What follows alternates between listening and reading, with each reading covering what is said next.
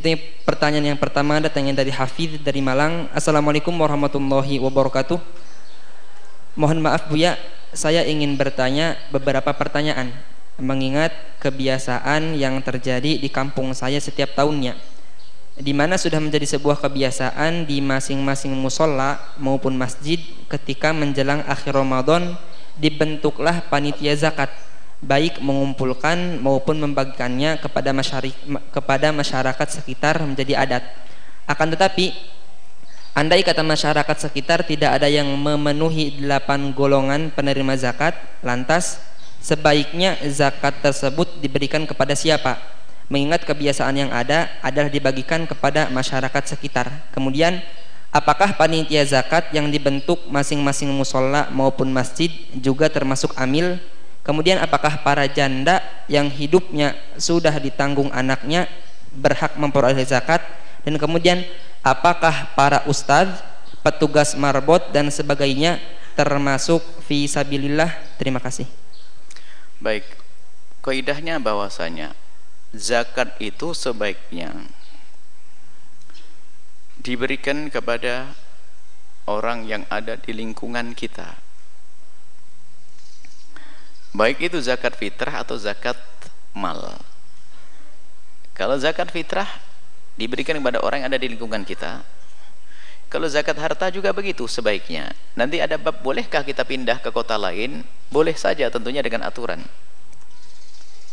Kenapa kok hendaknya orang yang ada di kiri kanan kita yang kita dahulukan? Karena dia adalah tetangga kita. Kalau itu zakat harta dialah yang karena deru mobil kita kemar rumahnya jalannya dirusak oleh truk kita yang besar. Supaya teredam hatinya tidak muncul kedengkian mendapatkan bagian zakat. Itu kan indah ajaran dalam Islam. Baik seperti itu. Cuman lihat. Yang perlu kita beri dari zakat apa saja? Apakah zakat fitrah harus memenuhi syarat?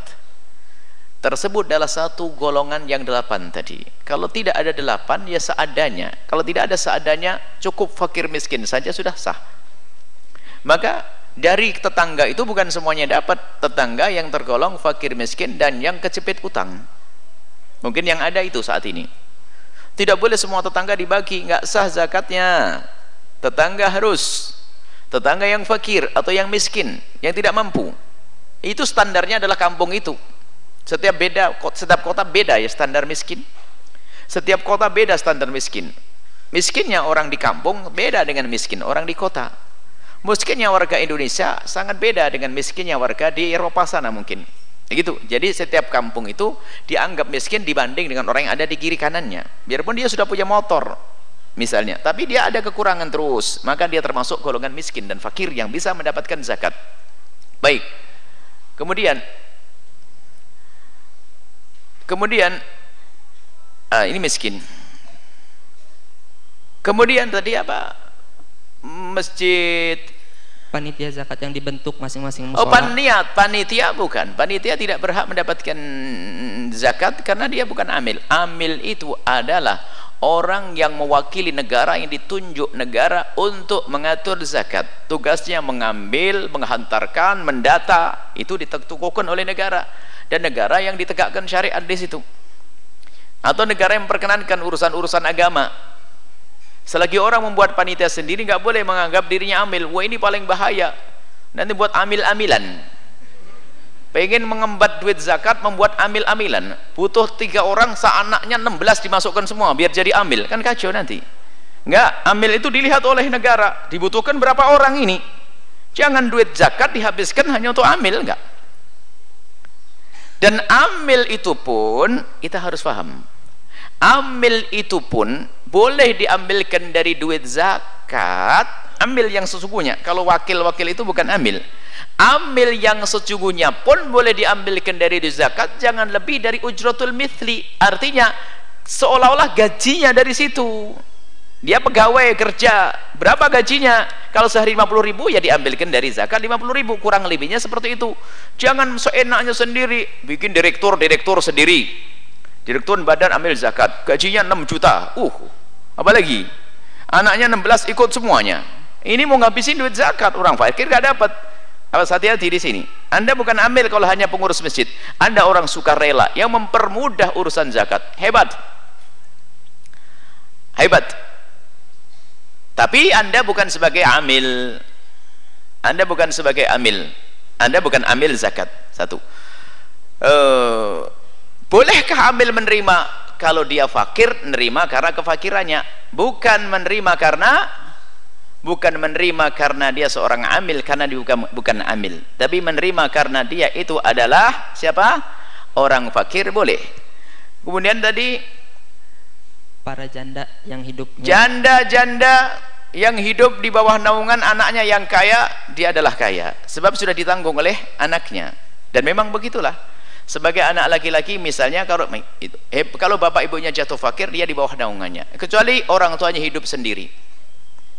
Maka dia tetap dengan kefakirannya. Bahkan kalau hidup sendiri duitnya sang anak zakatnya pun boleh diberikan. Tapi kalau hidup di bawah naungannya tidak. Duit yang sang anak tidak boleh dijadikan zakat untuk dia dan orang lain pun juga tidak bisa memberikan kepada dia karena dia sudah ditanggung oleh orang yang cukup dan kaya. Baik kemudian apalagi tadi? Para apakah Ustad Ustad marbot masjid Ustad visabilillah enak bener nggak ada Ustad masjid bukan visabilillah sudah kita jelaskan itu memang ada pendapat akhir zaman Zakat jangan dibangun gunakan untuk bangun masjid, jangan digunakan untuk bangun pondok pesantren dan jangan diberikan kepada ustadz atas nama fisabilillah. Kalau ustadz yang fakir bilang saja fakir selesai dapat bagian zakat karena dia fa fakir. Karena kefakirannya. Karena kefakirannya. Tapi bukan karena dia sebagai seorang ustadz. Mohon maaf ini ada sebagian kesalahan orang awam karena husnudnya orang awam tidak salah tapi karena penjelasan dari guru yang salah sehingga menjadi salah Wong ada orang yang sudah ngaji dengan kita pun masih ngomong kok, Buya ini zakat saya. Oh, kita ajib. Ini kelihatan nggak ngaji. Ngajimu di mana? Di belakang sambil ngopi kali ya. Mohon maaf yang di belakang ya. Tidak ada kopi siang-siang ya. Wong kita sudah bilang jangan dikasihkan ustadz, masih datang kepada saya. Buya ini buat Buya zakat. Atas nama ustadz. Kalau anda memandang saya fakir dan memang saya fakir mungkin, memang kalau anda terbukti fakir ya, boleh tapi jangan asas nama ustadz. Masjid ini, pondok ini tidak dibangun dari duit zakat. Dan ini kami sampaikan bukan omongan kami, omongan empat madhab. Jumhur ulama empat madhab. Dan kami sangat bangga waktu itu di saat kami tahun berapa kami keluarkan kalimat ini ada sebagian orang yang memang ada marah dan sebagainya. Saya tidak peduli marahnya si A, si B, si C. Saya hanya menyampaikan pesannya para ulama. Suruh marah sama ulama sana empat madhab sana. Akhirnya kebijakan dari MUI Kabupaten dan juga dari Badan Amil Zakat Kabupaten waktu itu mengumpulkan kami di kantor MUI kata apa Anda Badan Amil Zakat. Lupa saya pokoknya di sana berkumpul dengan ustadz-ustadz dan kita mendiskusikan masalah ini. Anda bisa lihat ada diskusi ada dua jam dan ada divideokan dari awal akhir saya tidak mengeluarkan pendapat saya. Saya bukan mufti, saya bukan mujtahid saya hanya nukil pendapat ulama dan saya tulis dalam satu buku. Hanya waktu itu dalam, belum diterjemahkan sekarang sudah terjemahnya. Kashful ghummah fi sarfil zakati lil masalih al amah. Itu adalah masalah kashful ghummah. Apa? Masalah sorif menggunakan harta zakat untuk kepentingan umum seperti masjid, madrasah dan sebagainya. Kesimpulannya anda tidak boleh. Jadi ingat pada yang marbot masjid bukan bukan bukan fisabilillah ustadznya bukan fisabilillah kecuali mereka itu fakir baru berhak mendapatkan zakat. Tolonglah jangan dolim kepada orang fakir. Alasannya apa? Ini jihad jihad. Perang pemikiran zaman ini. Perang pemikiran kan perlu. Ustadz kan berperang pemikiran. Waktu ulama empat madhab hidup itu memangnya nggak ada akidah sesat? Kaum mu'tazilah itu menguasai dunia waktu itu. Daulah abbasiyah tapi mereka juga tidak pernah berhujah untuk mencetak ulama mengambil duit zakat. Tidak ada kok. Padahal lebih dahsyat dulu pemikiran. Filosof-filosof handal waktu itu juga muncul yang keluar dari iman. Tapi lihat. Dan kelompok-kelompok yang dahsyat yang disebut dengan istilah khawarij, murjiah dan seterusnya qadariyah, mu'tazilah. Ada zaman itu dan dahsyat.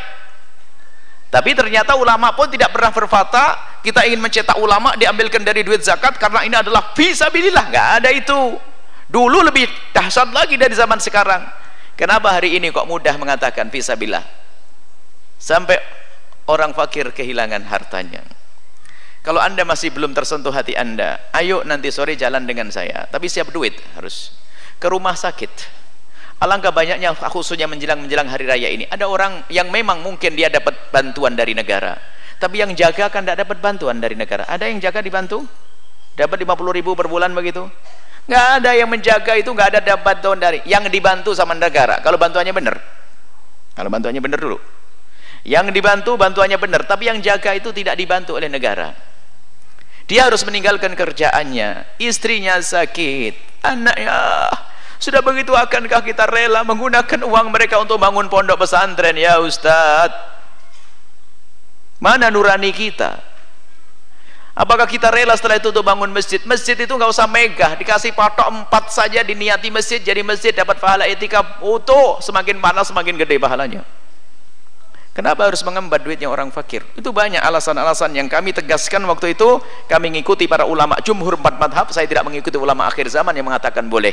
Ada pun yang mengikuti urusan anda. Saya tidak mau. Kenapa? Saya melihat. Coba saja kalau ke rumah sakit. Anda ikut saya ke rumah sakit nanti ada orang minta diampi dan sebagainya. Lihat linang air mata. Sudah gitu kita bangun duitnya bangun pondok. Ah. Makanya ingin berjuang yang ingin berjuang dengan kami al-bahjah di sini jangan mengirim uang zakat untuk pondok pesantren. Tapi kita ada rekening zakat itu nanti akan disalurkan kepada yang berhak. Baik ini saja insya Allah bukan untuk bangun masjid bukan untuk bangun pondok pesantren. Wallahu alam bisawab